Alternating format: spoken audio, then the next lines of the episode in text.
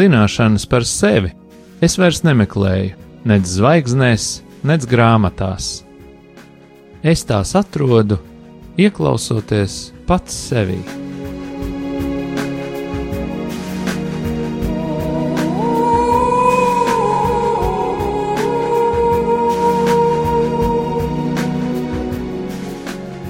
Raidījums Mīlestības terapija top mīlestības mājai, sadarbojoties ar profesionālo pastorālās konsultēšanas asociāciju. Sarunas par sevi, dzīvi, psiholoģiju un dvēseles terapiju.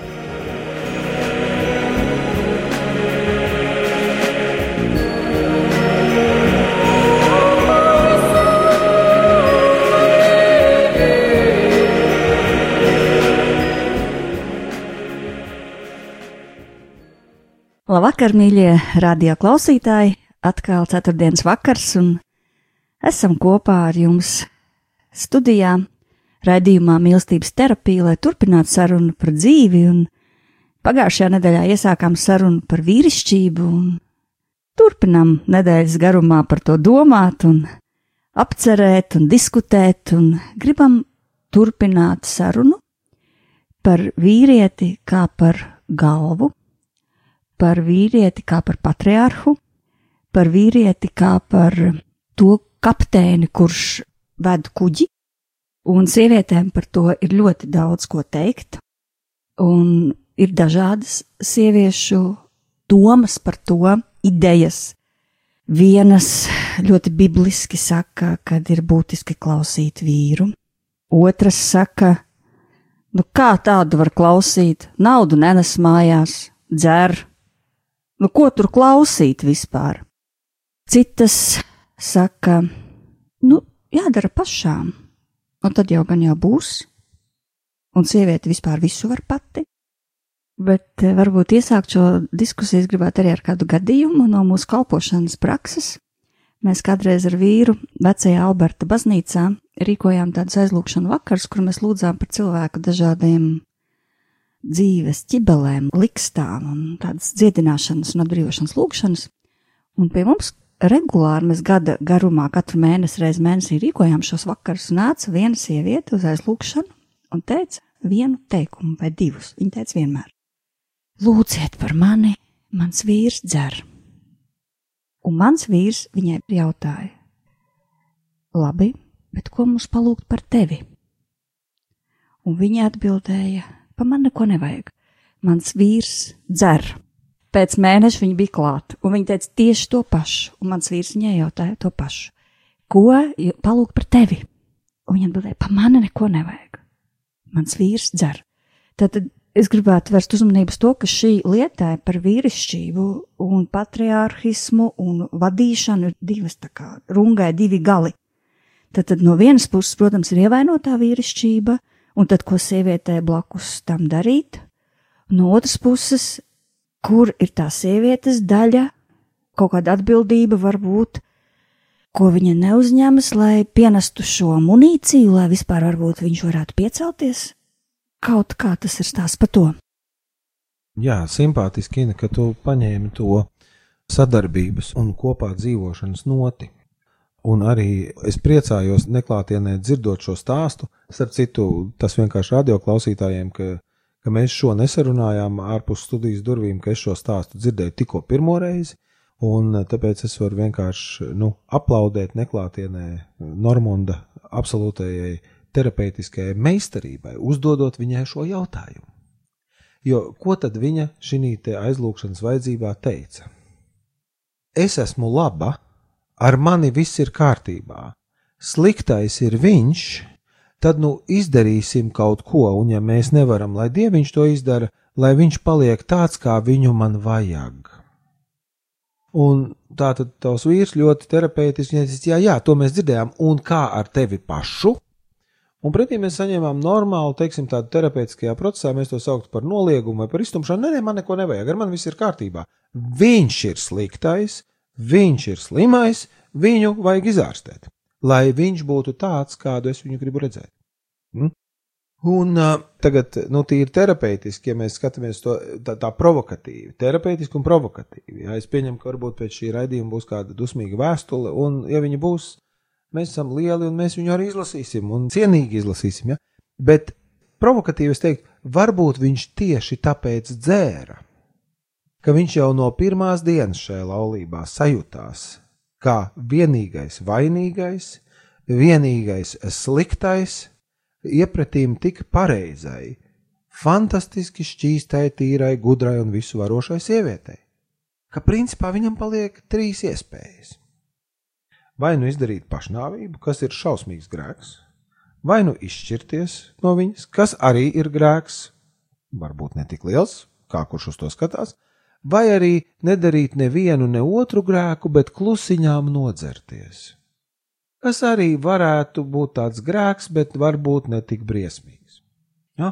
Un varbūt tas terapeitiskais jautājums, starp citu, es izdarīšu nelielu atsauci. Diemžēl viņi nevar izdarīt precīzi, bet es to izlasīju kādreiz ļoti, ļoti sen. Kaut kādā sieviešu žurnālā, neatceros vienā no tiem trim lielajiem, bet tas bija viens no tiem trim lielajiem vai četriem, cik no nu viņi tur ir. Kur eh, sieviete intervēja sievieti, tad viena bija žurnāliste, un otra bija kaut kādas palīdzošās profesijas pārstāve, kura strādā cilvēkiem un tā. Un tad uh, tur bija tas rakstīts, ja, ka tā profesionāli minēja kādu piemēru no savas prakses, ja, ka pie viņas bija atnācis kaut kāds vīrietis un teicis, nu, man vajag jūsu palīdzību, jo man sieva dzer, nu, es ar šo situāciju netiek galā. Un tad šī profesionāli viņam bija uzdevusi pretjautājumu, un ko tu viņai izdarīji, ka viņa ir spiesta dzert? Ļoti korekts jautājums. Tagad pagriežam šo jautājumu otrādi, nu, attiecībā no dzimtes pozīcijām. Kā tu domā, kas būtu noticis, ja tavs vīrs būtu šai sievietei piegājis klātajā aizlūgšanu sapulcē un teicis, un ko tu savam vīram izdarīji, ka viņš ir spiests dzert? Kā tu domā, kā tā situācija būtu attīstījusies?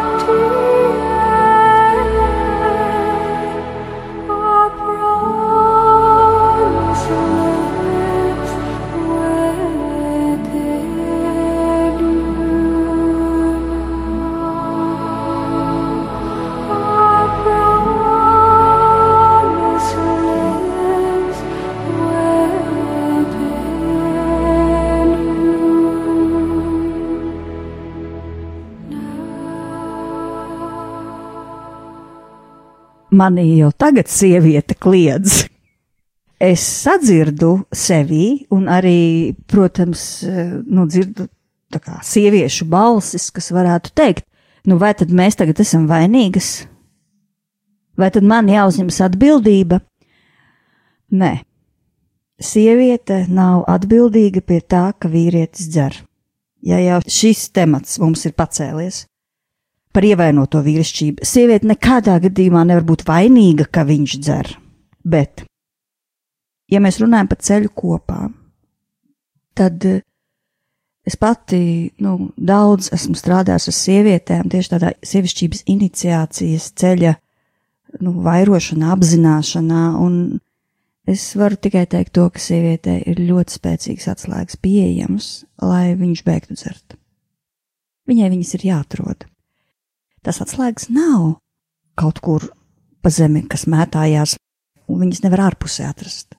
Viņas ir kaut kur dziļi, dziļi tev iekšā, un tev viņas ir jāatrod. Sievietes spēkos ir apstādināt ļoti lielus, spēcīgus, tumsas ratus. Un vispār es pat domāju, ka tā ir sievietes dziļākā būtība. Tā ir mana atkal personiskā pārliecība. Bet tas neatbrīvo vīrieti no atbildības nemaz. Un vai tas, kad es lietoju savas atslēgas, tagad tās sievišķības pienesu viņam to munīciju, jo es esmu iemācījusies, sapratu to, ko viņam vajag, es tagad viņam pienesu. Viņš droši vien uzreiz nesaka, jā, paldies, viņš arī pretojās. Tātad, bet es viņam pienesu, es eju šo mīlestības ceļu, es mācos, dodu, atbalstu, un tagad sākās viņa tas atvesaļošanās ceļš, un tad ir jautājums, kas tad ir tā veselā vīrišķība, kas tas tāds ir? Un es pat teiktu, ka kā sieviete blakus ir jau dažādi risinājumi, mēs nevaram pateikt, kurš ir pareizākais. Citreiz vajag paiet nost. Citreiz vajag kaut ko iesākt pilnīgi savu. Citreiz tas ir ļoti veselīgi. Citreiz vajag pienest munīciju. Un tā kā višķi es teiktu, tā ļoti rupi iekniep dibenā, lai sāk kustēties. Nu, tā, bet kas tad ir veselā vīrišķība šajā kontekstā? Mēs runājam par atkarību, kas īstenībā ir ievainota vīrišķība, bet kas ir veselā vīrišķība, kas ir vīrietis, kuram, ja iet runa par paklausību, tad es teiktu, veselam vīrietim sievietē gribās paklausīt. Vesela vīrišķība, tad, kad sieviete grib paklausīt, viņa grib paklausīt, viņa no brīvas gribas paklausa, ja viņa ir vesela. Atkal par veselību. Kas tad ir veselā vīrišķība? Jā, šī bija ļoti interesanta doma. Es pieņemu, ka, ja tu šo būtu izteikusi kaut kādā kreisi noskaņot jauniešu sajietā, tad e, šī brīdī, kad tu to pateikti, ka veselai sievietei gribas paklausīt vīrietim, es domāju, ka tajā brīdī tavs galvas virzienā lidot pirmie trīs sapuvušie tomāti un vēl citas smagākas lietas, vai ne? Un tas ir ļoti precīzi uzdots jautājums, vai, vai ļoti precīzi uzstādīta uh, problemātika, jo šī brīdī tomātus uz tevi mestu slimība. Ja? Tu izvirzīji ārkārtīgi radikālu, ļoti bīstamu tēzi, kuru noteikti akadēmiski korekti var apstrīdēt un nolīdzināt līdz ar zemi, bet intuitīvi šis mums piesaka kaut ko, par ko ir vērts padomāt. Ja? Un iznesīsim to ārpus tās ļoti dzimuma, tajā prokrusta gultā iespiestās lietas, ko mēs tagad esam izdarījuši. Ja? Jebkurš vesels cilvēks sarunā ar otru veselu cilvēku būs ar mieru zināmos gadījumos piekāpties, pakļauties, lietosim ar šo vārdu paklausīt, jo pamata uzstādījumos ir skaidrs, ka šie abi ir veseli. Un, ja tam vienam šajā situācijā vajag, lai es daru tā vai šitā, tad, bet, protams, es to darīšu, jo nākamajā situācijā es taču zinu, ka arī viņa ir vesela, un tad, kad man vajadzēs, tad tur es dabūšu pretī tieši to pašu. Tātad šeit ir runa par apusējību vai vispusējību, ja? bet kāpēc es to saku? Ne jau tāpēc, ka man nav ko teikt, bet tāpēc, ka es šī gadījumā runāju kā sistēmiskais psihoterapeits. Atgriežoties pie tā bēdīgā stāsta, ka vīrietis dzer un sieviete katru nedēļu nāk uz baznīcu, nu aizlūdziet par manu vīru, kurš dzer, tad no sistēmiskās pieejas viedokļa skatoties, Nevis tas vīrs ir dzērājs, bet viņa dzeršana ir simptoms kaut kādai slimībai ģimenes sistēmā, proti pārī. Tas, ka viņš dzer, nozīmē no ģimenes sistēmiskās terapijas viedokļa raugoties, ka tai pārī kaut kas ir smagi greizi un nepareizi. Un tad mēs tikai varam minēt, kas tas ir. Vai viņi nemāks sarunāties, vai viņiem ir atšķirīgs mīlestības valodas, par kurām viņi nekad nav runājuši, vai viņi nes līdz kaut kādus attīstības ceļā iegūtas traumas, kuras viņi nav spējuši atpazīt vai sārstēt, un tāpēc viņi izspēlē šīs traumas uz sava partnera, kā uz tāda boksta treniņa maisa. Ja?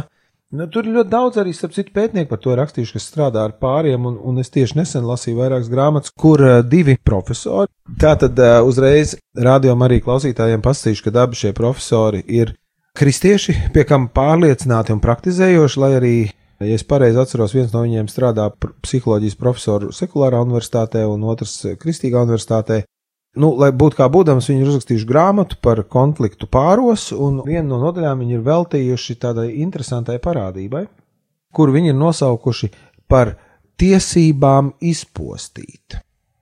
Un ko viņi ar to saprot, ir, ka ja mēs savā individuālās attīstības gaitā neesam nokārtojuši kaut kādus deficītus psiholoģiskos vai izārstējuši kaut kādas traumas psiholoģiskās, tad mēs ieejam pāru attiecībās ar diva veida sajūtām.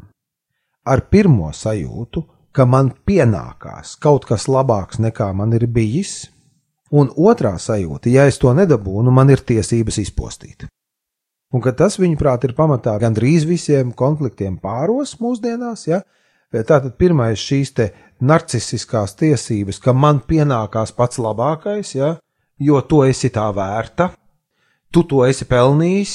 Ja? Tātad, nu, es skaidrs, ka man vajag principā baltā zirgā, bet kā savādāk, ja? Un ja viņš ir melnā zirgā vai vispār uz ezelīša sēž, ja? tad man ir tiesības izpostīt.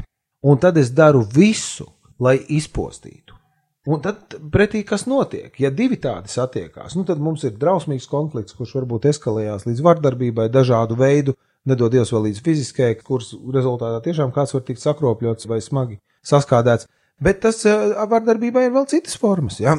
un, un tas kļūst par vardarbīgu, ilglaicīgu konfliktu. Un tad ir tikai div, divas iespējas. Vai nu tad šie cilvēki nu, viens otram tik tālu nodara pāri, ka viņi ir spiesti iet katru savu ceļu, ja?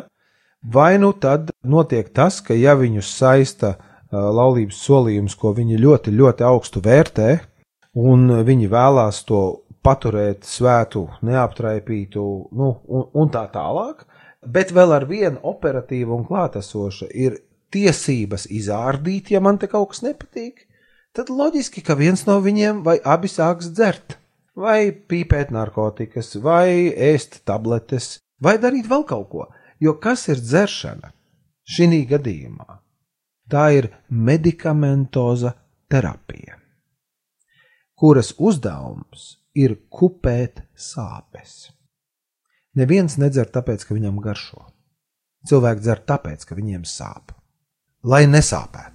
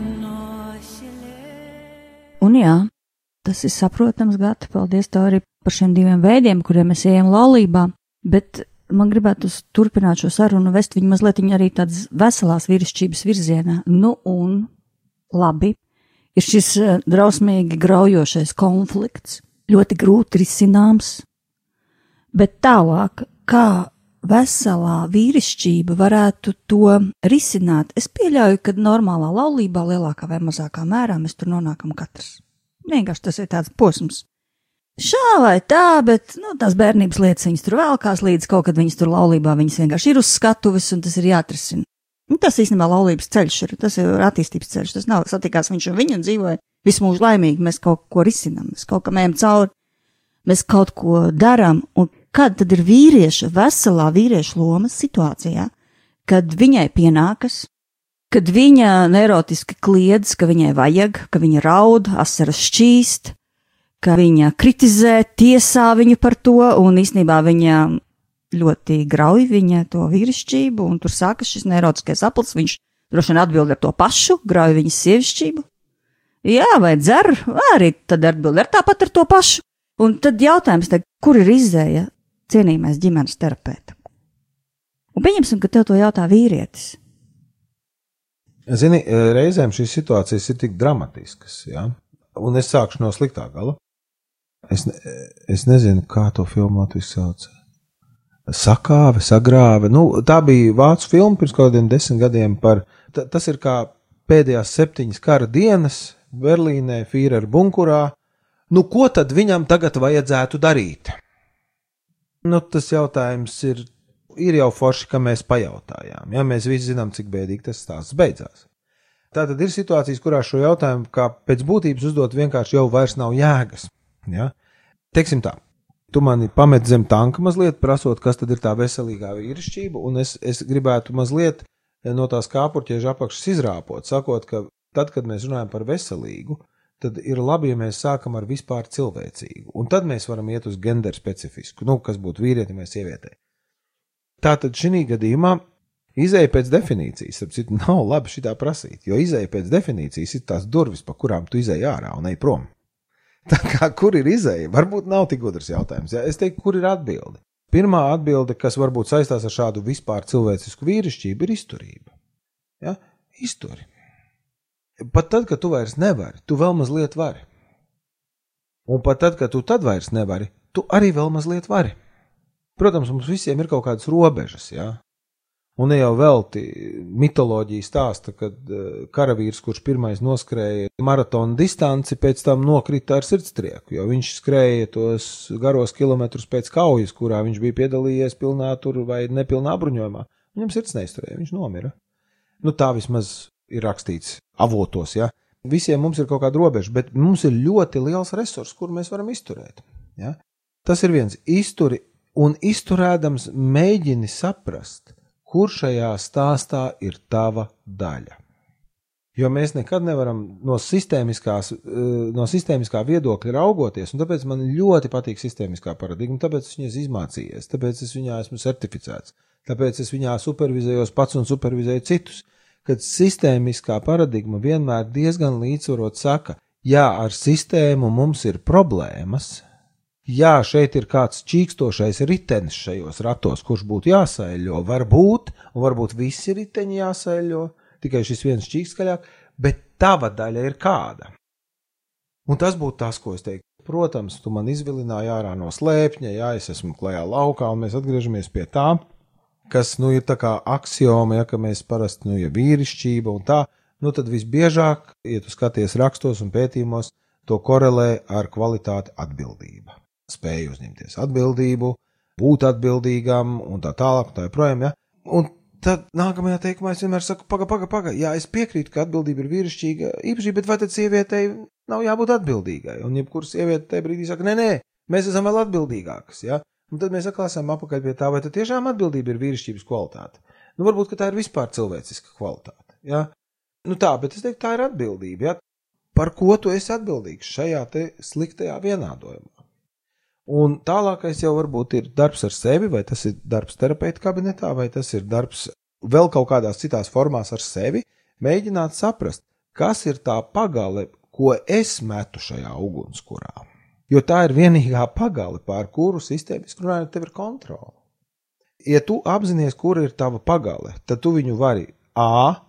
nemest tajā ugunskurā, B. izvēlēties cita kalibra pagali, ko tur mest, C vispār blakus iekurināt jaunu ugunskura, nu tur ir N tie varianti, ja? bet ar to sākās dziedināšana vai dziedināšanas ceļš. Kas ir mana daļa šajā? Un tieši to pašu es teiktu arī sievietei, ja viņa man teiktu, ko darīt, es teiktu tieši to pašu. Vienkārši saproti savu daļu. Vienkārši saproti, kas ir tā pagale, kuru tu met tajā eļļā, un beidz to darīt. Vienkārši beidz raudāt, bet sāc domāt, kas ir tava daļa. Tad uzņemies atbildību un maini sevi. Un sistēma mainās. Tu maini sevi, sistēma mainās, un īstenībā ir divi varianti. Viņš beigs dzert, vai viņš aizies dzert tālāk. Ļoti, ļoti precīzi. Un, nu, jau mēs esam uz tādas robežas tā uzkāpuši, eh, jo aiziet vispār tā kā nav labi kristīgā tradīcijā, to mēs zinām. Ja? Tieši tā, un, un tu pateici pareizi pirmo teikumu daļu, bet nepateici otro teikumu daļu. Ja? Jo sistēmiskajā darba, teiksim, tajā pieejā mēs vienmēr runājam par to, ka, ja tu sāksi mainīties, tad tu šīs izmaiņas ienesīsi sistēmā. Un tad tieši tā, kā tu teici, notiks viena no divām lietām. Vai nu tev pietiks jaudas ar savu impulsu sākt lēnām ļaut sistēmai krakšķot, mainīties, kas ir labais scenārijs, vai nu arī sistēma bloķēsies, sajūtot draudus, tā kā cilvēka organisma imūnsistēma bloķējās pret kaut kādu baktēriju, un tevi vienkārši izstums. Labi, ja vēl nenogalinās. Nu, un tad tālāk nāk nākamais, teiksim, sistēmas, kur domāt, kāda cita procesa vēl notiks. Un to nekad nevajag pārprast, jo bieži vien arī populārajā diskursā, un skatoties ar vienu acu pulkstenī, man liekas, ka mēs par šo runāsim vēl kādreiz, ja? jo šī raidījuma laiks jau tuvojas beigām. Ka tā kļūda, ko es dzirdu populārajā sarunās, ir, nu, ja tu būsi vīrišķīgs un uzņemsies atbildību, tad tev izdosies un tad tev sekmēsies. Muļķības. Tev ir apmēram 50% iespēja, ka tev sekmēsies, bet apmēram 50% iespēja ir, ka tevi nogalinās, jo tu vienkārši sistēmai traucēsi. Tāpēc var būt, kā to viens otrs cenais filozofs ir kādreiz piezīmējis, ka var būt vīrietim ir jādomā par to, kā skaisti nomirt. Jo reizēm tas ir labākais, ko viņš var izdarīt. Jo dzīves būdams, viņš nevienam nav vajadzīgs un viņš neko nevar pateikt. Un tad, kad viņš ir miris, tad gan to, ko viņš teica, kāds kādreiz atcerās. Nu, ķēniņa Leonīdu Spartas karali, jā, un viņa 300 uh, pustrakajiem miesasargiem vēl šodien uzņem filmas, bet viņš jau sen ir miris. Mirdams viņš izdarīja vairāk nekā dzīvodams. Šausmīgi ķecerīga doma. Lai nepārprastu, es nevienu neaicinu mirt priekšlaicīgi, bet domāt par to, ka atbildībai ir maksa. Bet tas, ka atbildībai ir maksa, nenozīmē, ka atbildība ir slikta. Jā,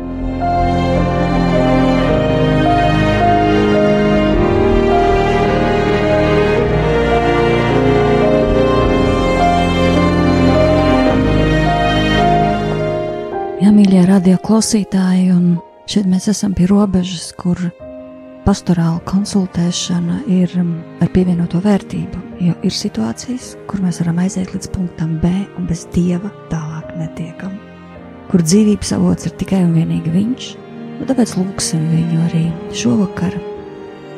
Atvērsim savas sirdis un lūgsim nāc svētais gars mūsu katra paša sistēmā, ģimenes sistēmā, mūsu katra sievišķībā un vīrišķībā. Nāca svētais gars, tāds atjaunotnes gars, dzīvības gars. Mūsu katra liktenī, biogrāfijā, atziņā par sevi, atziņā par savu partneri, atziņā par savu ģimeni. Un es lūdzu, Kungs, Jēzu, ka tu par katru, kas klausās un lūdzās kopā ar mums, izlaiž savus svētās asinis pagrabdē mums savās svētajās asinīs, lai tavs asinis dziedina, šķīsta, atbrīvo un dara mūs jaunus savā redzējumā. To visu mēs lūdzam Dieva Tēva, Dēla un Svētā gara vārdā. Āmen!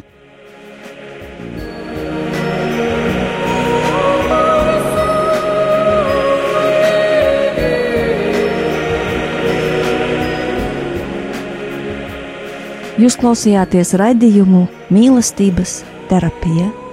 Raidījums varat noklausīties mājaslapā mīlestības māja.lv vai Latvijas Profesionālās pastorālās konsultēšanas asociācijas Facebook mājaslapā.